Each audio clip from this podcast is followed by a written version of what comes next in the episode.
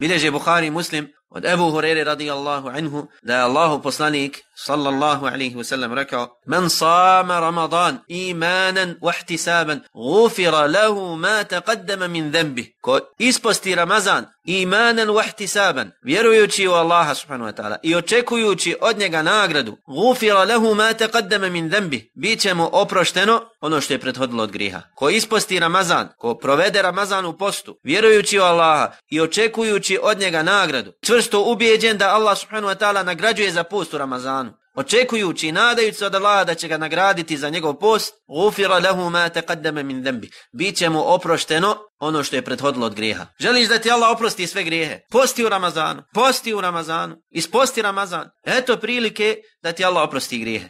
Kaže Allahu poslanik sallallahu alaihi wasallam također u hadisku kod Buhari muslima od Abu Hurere. men qama Ramadana imanan wa ihtisaban ghufira lahu ma taqaddama min dhanbi. Ko provede Ramazan u noćnom namazu vjerujući u Allaha i nadajući se i očekujući od njega nagradu, gufira lehu ma taqaddama min dhanb. Biće mu oprošteno ono što je prethodilo od grijeha. Provedi Ramazan u noćnom namazu, klanjaj teraviju, klanjaj kod kući ako ne možeš u džami, klanjaj noćni namaz, pa makar dva rekata, klanjaj vitr. Ako ne znaš da učiš, uzmi mushaf, uči iz mushafa. Provedi noći Ramazana u namazu, dobrovoljnom. I moli Allaha da ti to kabuli, bit će ti oprošteni prijašnji gresi. Evo još jedna prilika da ti se oproste gresi u Ramazanu.